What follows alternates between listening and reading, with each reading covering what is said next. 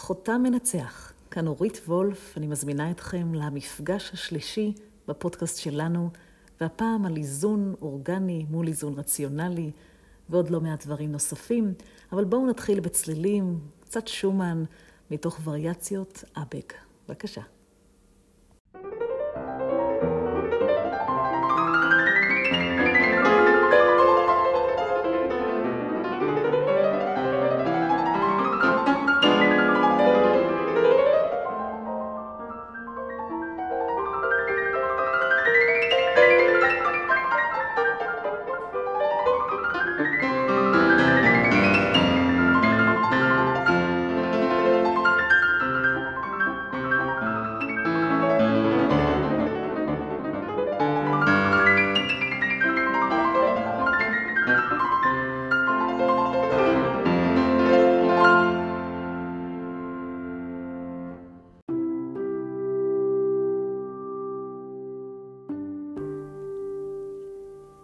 אז אנחנו פותחים את הפודקאסט השלישי שלנו, חותם מנצח, עם שיחה שפותחת בבלנס. בלנס, איזון, ואני שמה לב כבר הרבה זמן שיש הבדל אדיר בין בלנס טבעי לבלנס כפוי. בין איזון אורגני לאיזון רציונלי, ואני רוצה לקחת אתכם באמת להבחנה הזו, שכל אחד ירגיש שהוא ממקם את עצמו באבחון הזה. יש שני סוגי אנשים. יש את הסוג הראשון שמגיע תמיד לבלנס ממקום של שמירה וזהירות ותכנון ודיוק מוקדם. זאת אומרת, אנשים שתמיד אנחנו רואים שלא חסר להם כלום, האוטו שלהם נורא נקי, הבית תמיד מצוחצח, מסודר, המקרר לא חסר לו חלב ולא חסר נייר טואלט. הם ישנים את השמונה שעות בלילה והם מספיקים גם לקרוא וגם להתעמל וגם לרוץ וגם לבקר את ההורים ואת החברים ואתה מתקנא, או את מתקנאה ככה בהספקים ובאיזונים של ה-work-life balance שלהם. ויש את האנשים שמגיעים לבלנס אורגני, באופן שונה לחלוטין, באופן של חיבור וחיבוק ושהייה בקצוות שלהם. מה זאת אומרת? זאת אומרת, אנשים שהבלנס נוצר באופן טבעי, באופן אורגני, על ידי העובדה שנמצאים כל הזמן בקצוות של החיים. הם חווים חוויות קצה. הם מתנסים בכל מיני דברים חדשים. הם לוקחים את עצמם ממש עד הקצה בכל מיני תחומים. זה יכול להיות בזמנים, זה יכול להיות באנשים, בחוויות, במפגשים, בעשייה. ב... לוקחים את הפחד ואת האומץ כאחד למקומות חדשים. ואני יודעת שאתם יודעים למה אני מתכוונת. אלו אנשים שיכולים להיות אה, קצת אפילו מיסטר היינד וג'קל כאחד, זאת אומרת, לעשות דברים כל כך מוזרים ושונים באותו יום, ועדיין הם אנשים מרתקים, מיוחדים, שמגיעים לבלנס על ידי חוויית הקצוות. אני למשל חייבת להגיד לכם שאני גם וגם. יש בי הרבה רגעים של קצה, והרבה פעמים אנשים אומרים לי, אז רגע, את גם פסנתרנית, ואת גם אשת חדשנות, ואת גם מנטורית קריירה, ואת גם מרצה, ואת... כן, אני, אני אוהבת את הגם וגם. והרבה פעמים אמרו לי, אבל, אבל תחליטי, תעשי או-או, תחליטי מה את, או מי את. ואני, קשה לי להחליט, אולי העובדה שאני מזל מאזניים, למרות שאני לא מתחברת לעולם הזה של המזלות. אבל באמת, אני חושבת שבכלל בעידן הקורונה, החיים מלמדים אותנו שאין או-או, יש גם וגם. המסר של התקופה הזו, בעיניי, זה מסר של פלקסיביליות, של אג'יליות, של באמת גמישות ועשייה רבת מנוף ורבת היקף של אנשים שיכולים לעשות לא רק דבר אחד. אין יותר דבר אחד. היכולת שלנו להיות הרבה דברים היא יכולת מובחנת אה, וחזקה מאין כמוה.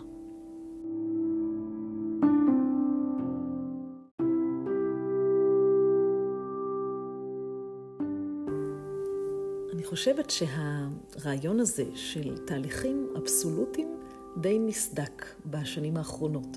זאת אומרת, המשנה שרבים מאיתנו גדלו עליה, שצריך ללכת ליסודי ולתיכון ולהוציא תעודת בגרות מצוינת, ולעשות פסיכומטרי ולבחור פקולטה וללכת לאוניברסיטה וללמוד ארבע שנים, להוציא ציונים מצוינים, כדי שאז יתחילו לקבל אותנו לעבודה, ונתחיל לבקש אה, משכורת צנועה, הרעיון הזה הולך ונסדק.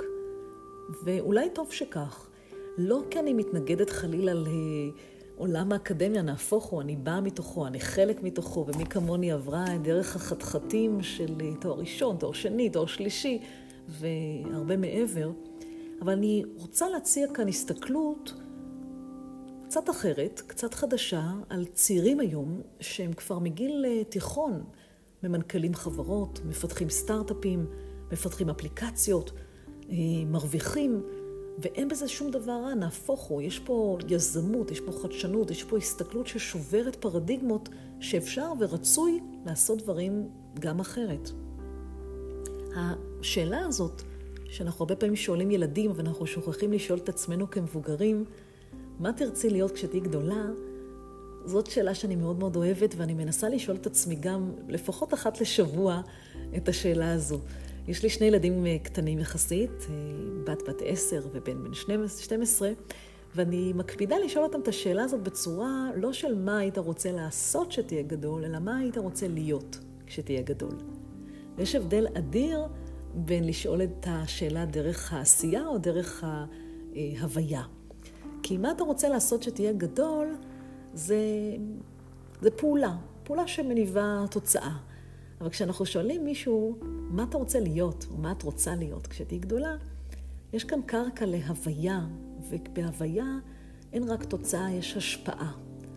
ואני מאוד אוהבת את השאלה הזו, כי היא פותחת פתח ללא רק מה אני רוצה ללמוד ולעסוק ולהרוויח, באינטרס הפנימי האישי שלי, אלא גם מה אני רוצה להיות שישפיע או שיותיר חותם על אחרים. ואלה שאלות שאנחנו כאנשים שמחפשים את החותם האישי, חייבים להקפיד לשאול את עצמנו ואת האנשים שלידינו, השכם והערב.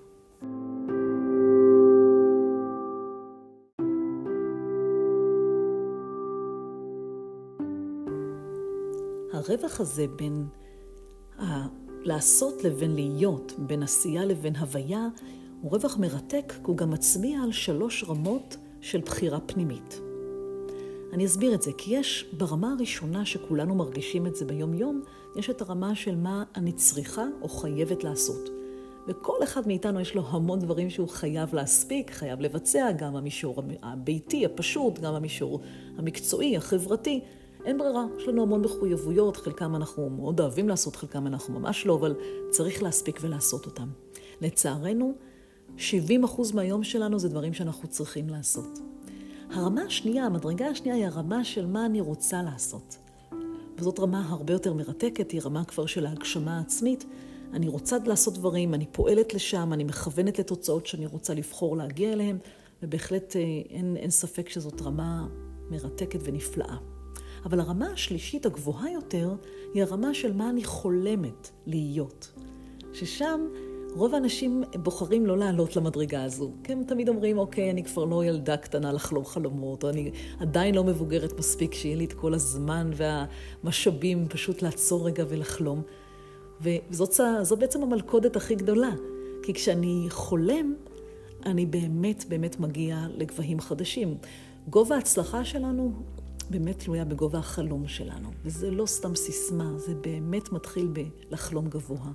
חלומות קטנים לעומת חלומות גדולים, זאת כל הדלתא בין עשייה להוויה. אבל מה עושים כשלפעמים אין לנו פשוט חשק? על כך אני רוצה להרחיב קצת יותר.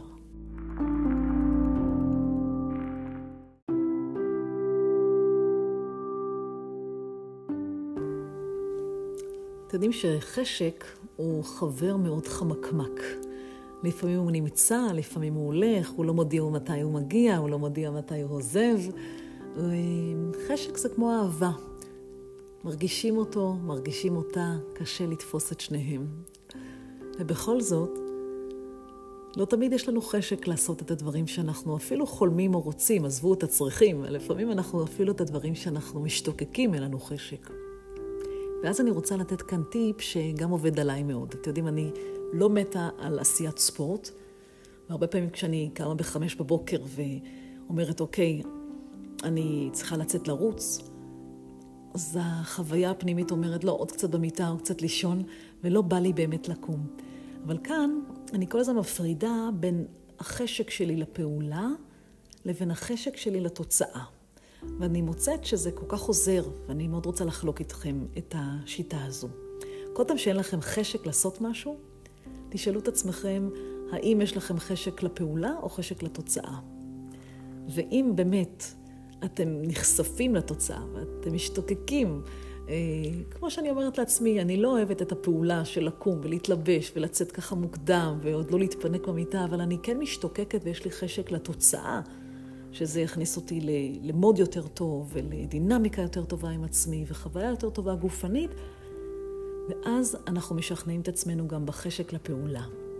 אז אני מזכירה, חשק, אי אפשר לקחת אותו ולהכריח אותו להיות, אבל אפשר להפריד בין חשק לפעולה לבין חשק לתוצאה, ולדבוק בחלק שקל לנו להכיל יותר. וזה גם פועל בכל תחום בחיים שלנו. לפעמים אנחנו לא רוצים אה, לעשות את השיעורי בית שלנו, או לעשות את הדיאטה שאנחנו כל כך רוצים לעשות. ההבדל בין מי שמצליח לדיאטה לבין מי שלא מצליח זה לא באמת הרצון. הרבה פעמים אנחנו אומרים לא רצית מספיק, זה לא נכון. אנחנו מאוד רוצים, ושני אנשים שאחד מהם מצליח והשני לא, לא בהכרח רוצים פחות אחד מהשני. אבל לפעמים אנחנו לא יודעים לתרגם את הרצון לפעולה ולהחלטה. וכשיש לי את הרגע הזה שאני מתרגם חשק לפעולה והחלטה, אז אנחנו באמת נהנים מאוד מהתוצאה.